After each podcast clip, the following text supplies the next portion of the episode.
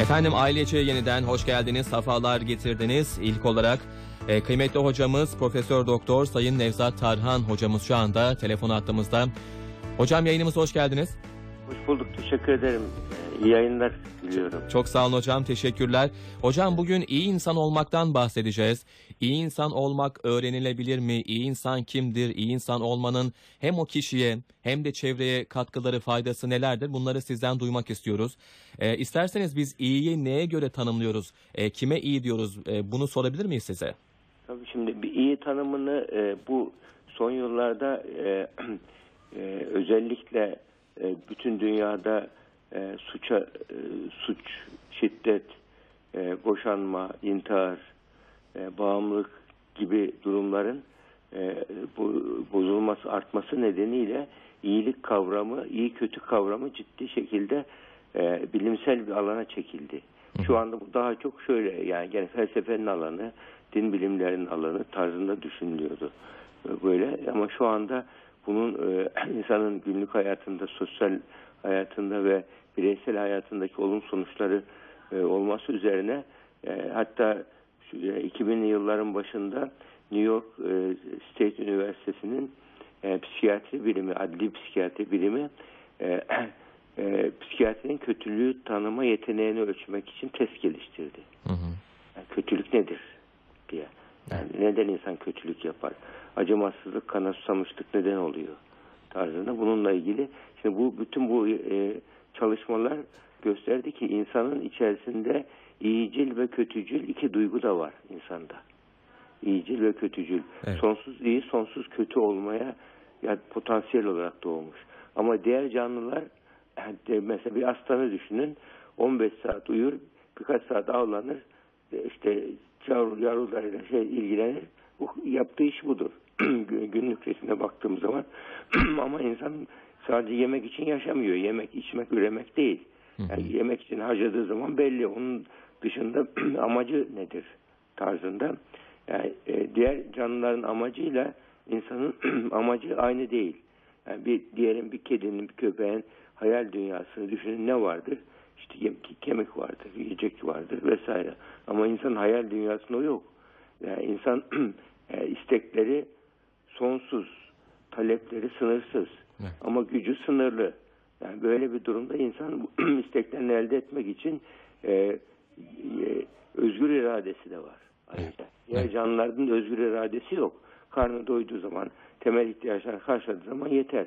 Yani özellikle bu Fukuyama 90'lı yıllarda e, e, satın alma davranışını değiştiren davranış iktisatçılarının e, kararlarını etkileyen bir güven diyeyim kitap yazdı. Türkçe'de de çıktı.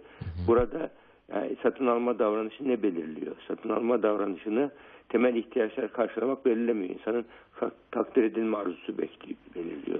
Güven duygusu belirliyor. Ve bu gibi alışveriş davranışını etkiliyor. Bütün bunlar insanın psikolojik doğası ve biyolojik doğasına bir ilgi uyandırdı. Ve bu konuda çalışmalar yapıldı. İnsanın biyolojik doğası yani genetik algoritması neyi öneriyor insanın? Mesela insanlarda iyilik, güzellik kavramı ortak diyelim insanların yüzde seksenine baktığı zaman bu güzel dediği zaman o insanlar güzel diyor ona. Buna iyi diyor.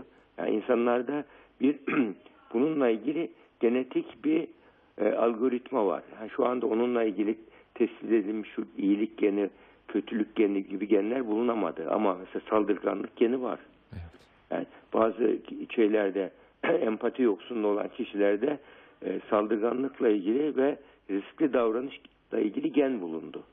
Riskli davranış geni olanlar riskli şeyler yaptıkları zaman böyle heyecanlandıracak beyinlerinde müthiş bir dopamin salgılanıyor ve son derece haz alıyorlar. Dağ sporları, tehlikeli sporlar aşırı bir adrenalin salgılanıyor ve bu davranıştan hoşlanıyorlar. Riskli davranış geni varsa çocuklarda bu e, aynı zamanda empati de empatinle ilgili genetik algoritmamız var.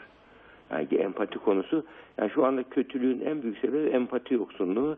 İyilik e, iyilik olan kişinin en büyük özelliği de empati konusunda bu bece- daha becerikli, başarılı olması. Empati nedir? Başkasının yerine kendini koymak değil. Kendin olup başkasının açısından bakabilmek. kendini değiştirmek anlamında değil. Kendine objektif bakabilmek kişinin. kendine karşı da tarafsız olabilmesi, bağımsız olabilmesi. Bunu yapabilen bir kimse olaylara empatik e, e, davranabiliyor olaylarda. Yani empati yoksunluğu kötülüğün en büyük neden olarak gözüküyor. Yani iyilik davranışında da önemli olan birinci iyilikle ilgili kavram empati e, e, duygusu. Yani empatiyle ilgili ölçekler var psikiyatride geliştirilmiş. O empatisi düşük olan kişiler e, suça becerikli oluyor. Böyle acımasız, merhametsiz oluyorlar. Hak duygusu kendilerine yönelik oluyor. Ve bu bakıyorsun bu kişiler narsistik bireyler oluyor. Narsist kişiler kendini özel gören, önemli gören, üstün gören, yani kendisine her şey, kendi hak duygusu kendine yönelik kişiler, yani çıkarcı kişiler. Yani bu, bu tarz kişiler kötülüğü artırıyor. Peki iyi, o halde iyilik nedir? İyilikle kötülükle ilgili bir entropi, e, e, biraz daha olayı bilimsel dinamiklerle ele aldığımız zaman entropi biliyorsun termodinamiğin ikinci yasası.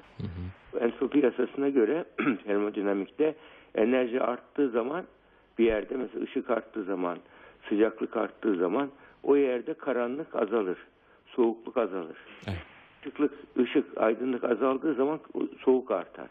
Şimdi e, evrende de dünyada da e, davranışlar arasında sosyolojik olarak da bir entropi var.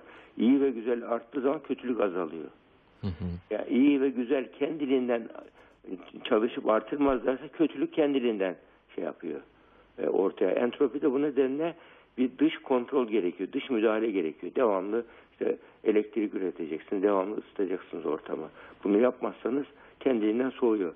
E, iyilik, kötülük dengesi de aynı. Aydınlık, karanlık gibi iyilik ve güzelliği artırırsak bir toplumda kötülük kendiliğinden yok olur. Onun için kötülükle mücadelenin en önemli yöntemi e, iyiliği artırmak. Tıpkı e, karanlıkla mücadelenin yöntemi bir mum yakmak gibi.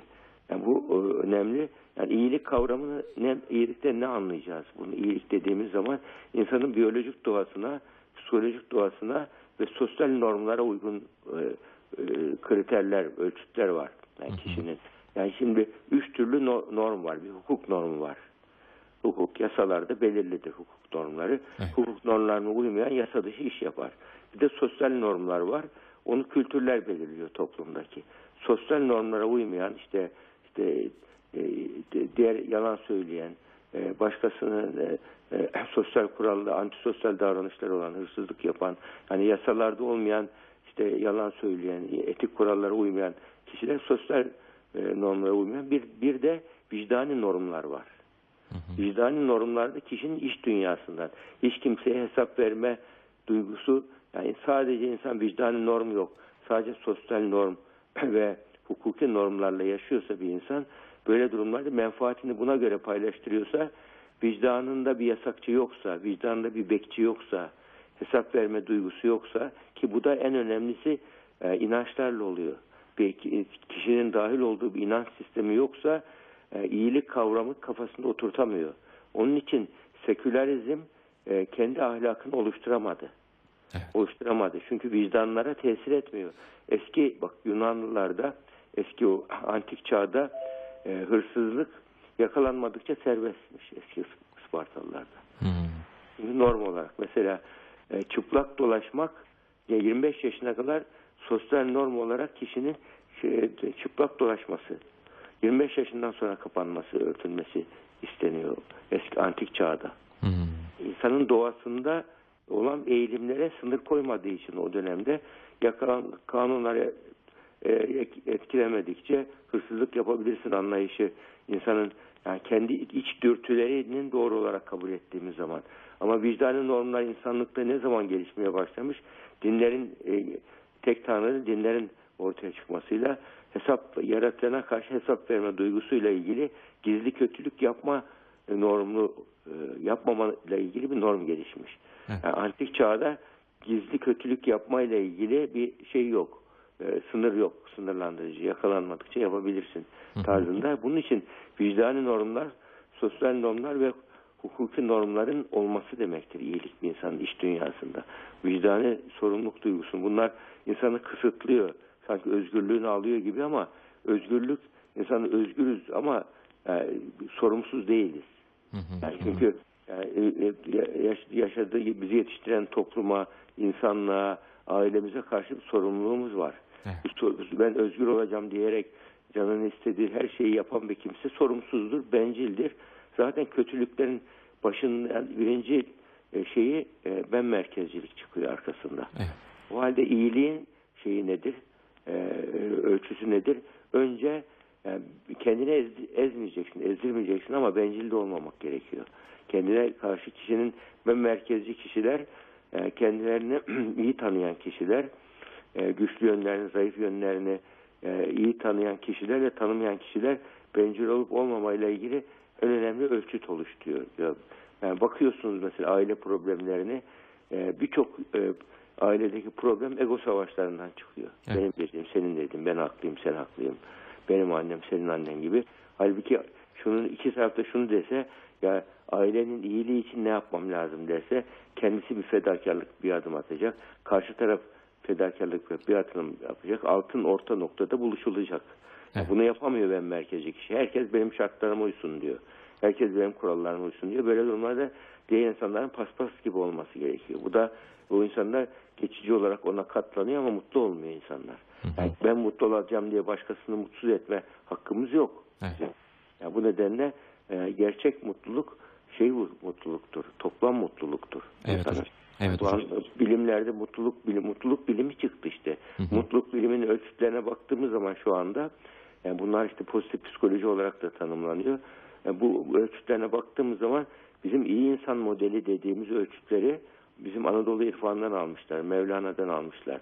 Mesela birçok kitaplar var işte simyacı gibi vesaire gibi bakıyorsunuz Mevlana'dan almış bütün dünyada satan e, kitap biliyorsunuz. O kitabı almış, için Mevlana'dan almış, anlatıyor ama hiç referans vermemiş. Hı hı. Kimyacı kitabında herkes işte Brezilyalı bir e, e, din adamının yazdığı kitap ne güzel diyorsun ama hiç yaptığı, anlattığı hikayeye bakıyorsunuz. Endülüs'ten çıkıyor, Mısır'a kadar gidiyor bir yolculuk anlatmış. Bizim Anadolu irfanını anlatıyor. Biz kendi elimizdeki kaynağın üzerinde oturuyoruz. Hani bir zamanlar şeyde e, 70-80'li yıllarda işte böyle su akar, Türk bakar derlerdi. Barajlar akıyor, kimse ilgilenmiyor. Şey, Ondan sonra barajlar yapıldı.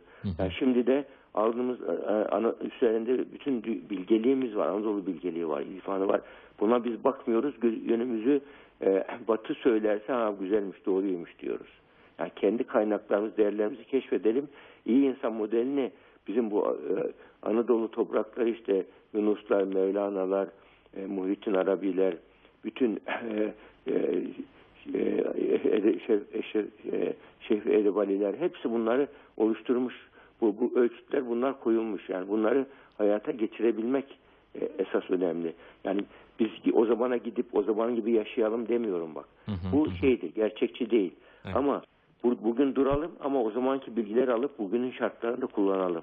Evet, evet hocam. Bunu yaparsak biz yani Amerika yeniden keşfetmeye gerek yok. Evet.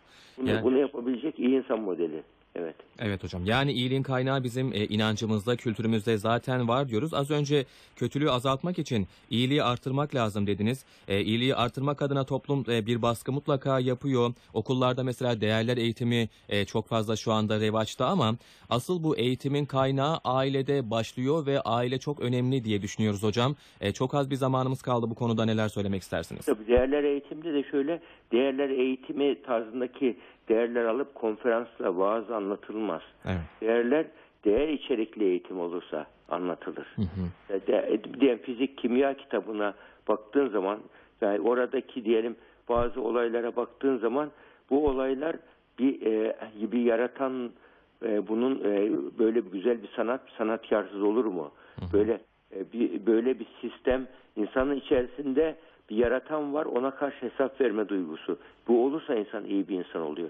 Yani önce bir insanın iyi insan olması için içerisindeki kötücül eğilimlere, o, bu genetiktir kötücül eğilimler. Bu kötücül eğilimlere hayır diyecek vicdan olgunlaştırmamız lazım. Doğuştan gelmiyor bu vicdan duygu. Sonradan kazanılıyor.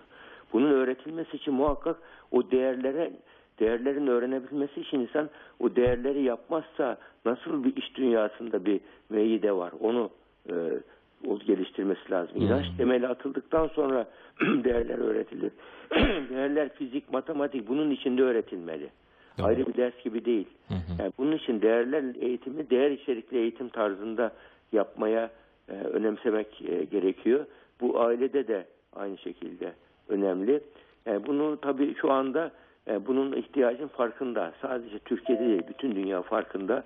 Yetişen nesil çünkü ben merkezci ve konformist yetişiyor. Evet. Yani sadece kendi çıkarını düşünsem yeter diyen bir ve bunu da maalesef e, şey öğretiyor bunu. Yani biz eğitim sistemlerimiz öğretiyor bütün dünyada. Hı hı. Yani dünyaya bir defa geldin canın istediği gibi yaşa diyor. Hedonizmi öğretiyor. Sosyal sorumluluğu zayıflattı yani şu andaki sistem. Bireycilikle ben merkezcilik karıştırıldı. Bunun için önce yani insan yaşadığı toplumun hatta buna pozitif psikoloji sosyal bilinç deniyor. Evet hocam. Öz bilinç, öz yönetim, sosyal bilinç ve ilişki yönetimi. Yani insan yaşadığı toplumun bir parçası olduğunu unutmadan yaşaması gerekiyor. Evet. Ve varoluşsal kaygıları da hesap etmesi gerekiyor. Niçin varım? Ölüm nedir? Ölüm bilinci nedir? Yani ölümden sonra hayat ne olacak? Bu sorularına cevap verebilen bir insan kötücül dürtülerini kontrol edebilir iyi insan olmak için. Evet hocam. E, hocam çok teşekkürler sağ Rica olun. ederim. E, tekrar ağzınıza sağlık. Haftaya cuma eğer bir aksilik olmazsa tekrar görüşmek üzere hocam. İnşallah inşallah e, iyi yayınlar. Kolay gelsin. İyi günler hocam. Çok sağ olun. Üsküdar Üniversitesi Rektörü Psikiyatrist Profesör Doktor Sayın Nevzat Tarhan hocamızla söyleştik.